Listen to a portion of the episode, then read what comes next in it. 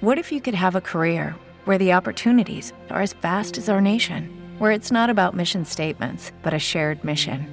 At U.S. Customs and Border Protection, we go beyond to protect more than borders from ship to shore, air to ground, cities to local communities. CBP agents and officers are keeping people safe.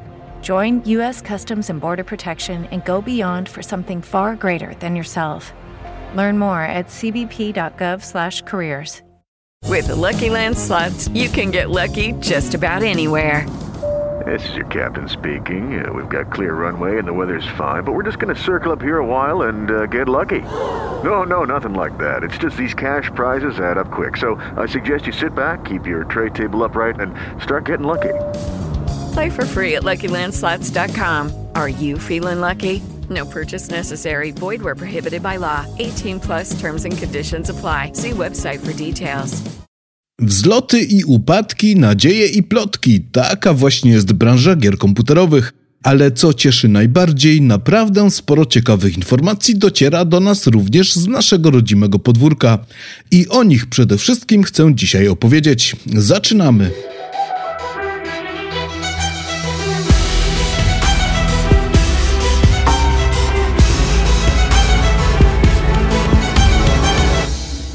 Olga Tokarczuk będzie tworzyć grę komputerową. No dobrze, może nie tyle tworzyć, co współtworzyć, bo noblistka ma być współautorką scenariusza opartego właśnie na jednej z jej powieści. Nie, nie chodzi o księgi Jakubowe, ale o wydaną po raz pierwszy w 2006 roku Annę In w Grobowcach Świata. Sama gra z kolei będzie nosić tytuł Ibru, a za jej przygotowanie zabrało się polskie studio Sandog. Ma to być pierwszoosobowy RPG czerpiący inspirację nie tylko z literatury, ale również z takich gier jak Disco Elysium czy Return of the Obra Dinn. Gracz wcieli się w postać detektywa, który w poszukiwaniu książkowej Anny In wejdzie do wybudowanego na ruinach starożytnego miasta Ziguratu. Uniwersum ma być wypełnione symboliką czerpiącą wprost z sumeryjskich mitów, ale także nowoczesną technologią i problemami współczesnego świata. Co ciekawe, gra ma powstać na bazie piątej generacji silnika Unreal Engine, a więc jest szansa, że również wizualnie będzie to bardzo ciekawa produkcja. Kiedy powstanie? Cóż, zapewne nie prędko, bo projekt wydaje się bardzo ambitny, a niewielkie przecież studio Sandok dopiero rozgląda się za inwestorem. Pozostaje zatem trzymać kciuki. Warto też trzymać kciuki za inne polskie studio, The Farm 51, bo ich flagowa produkcja World War III wciąż pozostaje w fazie zamkniętej bety.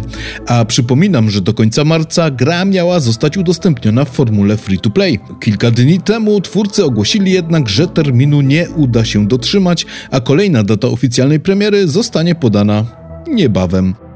I to jest wbrew pozorom dobra wiadomość, bo gier wydawanych przedwcześnie mamy już pod dziurki w nosie. Zresztą, gdybym był złośliwy, to bym wspomniał o tym, że przecież pierwsza premiera World War III miała miejsce jeszcze w 2018 roku. Wówczas gra była tak dopracowana, że aby ją uratować, trzeba było ją czym prędzej wycofać z rynku. No ale że nie jestem złośliwy, to zacytuję tylko to, co sami twórcy napisali ostatnio na stronie internetowej produkcji. Wykorzystamy ten dodatkowy czas na dopracowanie gry, usunięcie błędów sieciowych, poprawę stabilności serwerów i zapewnienie, że World War III spełni naszą wizję ekscytującej sieciowej gry FPS, która jest darmowa i dostępna dla wszystkich graczy. A więc czekamy dalej, ale z nadzieją, że tym razem gra zaprezentuje naprawdę dobry poziom i stanie w szranki z takimi kultowymi seriami jak Call of Duty czy Battlefield co akurat nie powinno być specjalnie trudne, bo obie serie przeżywają ostatnio trudne chwile. Nawet EA uznało ostatnio, że Battlefield 2042 to pomyłka. Nie wiem, może ostatecznie przekonały ich puste serwery i bardzo negatywne opinie samych graczy? W każdym razie, jak donosi Tom Henderson, człowiek dobrze obeznany w branży i mający swoje źródła informacji, już teraz trwają prace przedprodukcyjne nad nową grą z serii. No i tym razem wszystko ma być jak należy. Wnioski zostały wyciągnięte, a błędy i wypaczenia przeszłości mają zostać naprawione. Kolejny Battlefield będzie odpowiedzią na wszystkie nasze graczy znaczy się potrzeby. To ma być taki powrót do korzeni. I może nawet ktoś dałby się na to nabrać, gdyby nie fakt, że dokładnie to samo słyszeliśmy już wiele razy wcześniej. Dlatego przypominam, trzymajmy kciuki za World War III, bo to jest dobry czas, aby wypłynąć na szerokie wody. Na szerokie wody chce też wypłynąć inne polskie studio Far From Home, które pracuje nad grą Forever Skies. We burned paradise. We lit the fire and fled. But death followed, hidden in our blood.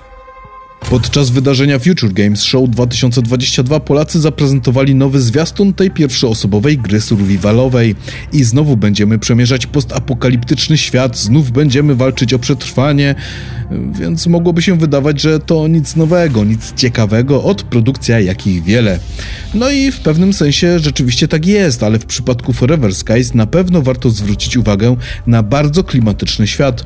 Tym razem Ziemia nie jest opanowana przez zombie, nie jest zniszczona atomowym konfliktem, nie zaatakowali nas żadni kosmici, ani tym bardziej siły piekielne, po prostu sami wykończyliśmy niebieską planetę, pogrążając ją w ekologicznej katastrofie. Resztki ludzkości przemierzają świat w sterowcach, a na pełną niebezpieczeństw Ziemię schodzą tylko śmiałkowie w poszukiwaniu niezbędnych surowców. Wizja ciekawa, a jak widać na zaprezentowanym niedawno zwiastunie, wykonana bardzo klimatycznie, warto więc mieć ten tytuł na radarze. I to tyle na dziś. Graczom życzę niskich pingów i wysokich FPS-ów. Do usłyszenia.